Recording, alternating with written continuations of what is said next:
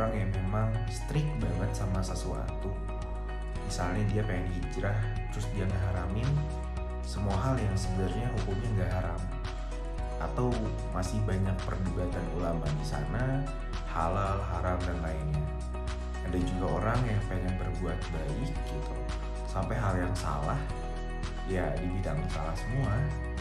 Ada orang yang pengen langsung saklek pengen jadi A padahal dia dari Z. Dia berusaha buat sampai A ngelakuin semua A gitu. Tanpa melalui tahapan dari Z ke X ke W gitu kan. Dikit-dikit dan langsung gitu. Pernah gak sih lo ngerasa punya teman kayak gitu? Atau mungkin kita sendiri yang ngerasanya? Nah kita nggak tahu.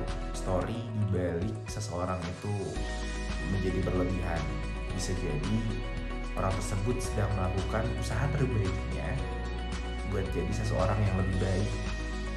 Dan memang dengan begitu caranya gitu. Meskipun kalau secara umum ataupun berdasarkan nilai yaitu agama, sosial dan lainnya ya itu nggak bagus atau mungkin salah dan lainnya gitu.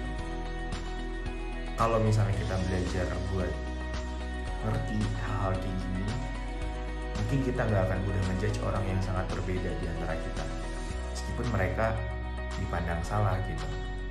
Karena di balik kesalahan orang lain, bisa jadi kita pernah ngelakuinnya atau pada satu saat nanti kita malah ngelakuin hal itu.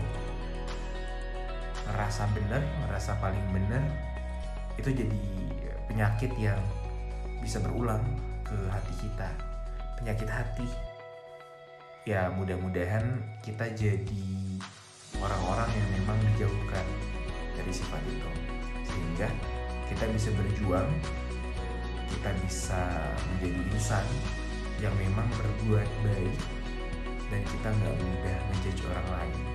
Kita bisa hidup tenang tentram berdampingan dengan segala perbedaan yang ada